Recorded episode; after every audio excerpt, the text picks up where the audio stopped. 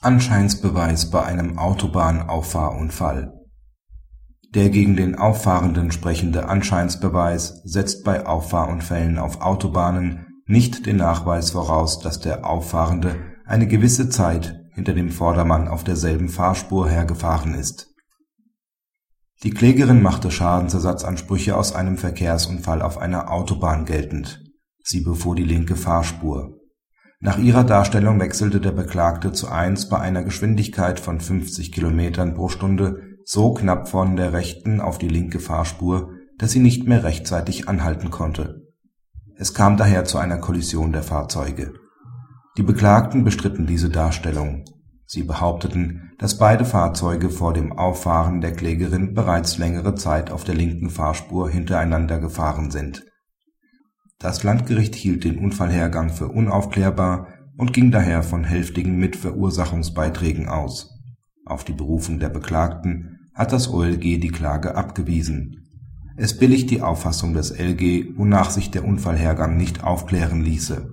Allerdings ist es der Ansicht, dass gegen die Klägerin der Beweis des ersten Anscheins spricht, da sie auf das Fahrzeug der Beklagten aufgefahren ist es verwirft die Auffassung, dass der Anscheinsbeweis auf einer Autobahn bei einem Auffahren voraussetzt, dass feststeht, dass sich das vorausfahrende Fahrzeug schon eine gewisse Zeit vor dem nachfolgenden Pkw befunden hat.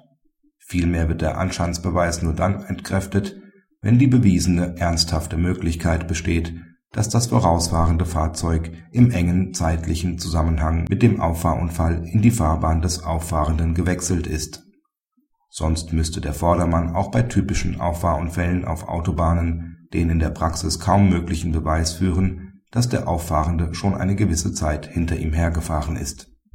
Praxishinweis Voraussetzung für die Anwendung des Anscheinsbeweises ist, dass sich unter Berücksichtigung aller unstreitigen und festgestellten Einzelumstände und besonderen Merkmale des Sachverhalts ein für die zu beweisende Tatsache nach der Lebenserfahrung typischer Geschehensablauf ergibt unter Typizität ist dabei ein Ablauf nach Muster zu verstehen.